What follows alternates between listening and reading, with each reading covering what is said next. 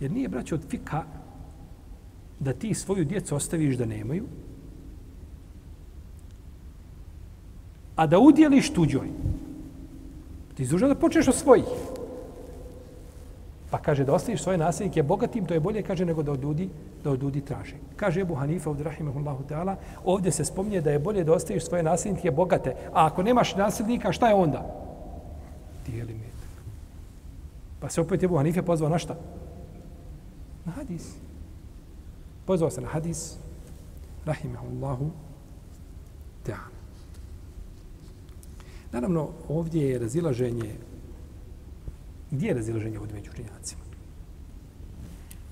Razilaženje je da li je Bejtul Mal da li polaže Bejtul Mal pravo na nasljedstvo ili je Bejtul Mal samo institucija koja čuva imetak. Jel u redu? Nema čovjek djece, nema nikoga od nasljednika. Kud njegovi imetak ide? Kud će se podijeliti? Hoće li se podijeliti daljnoj rodbini ili ide u Bejtul Mal?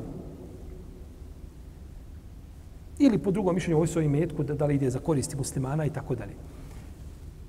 Razilaženje među učenjacima. I shodno tom razilaženju je ovdje, znači ovo što imam Ebu Hanifa rekao, rahimehullahu, te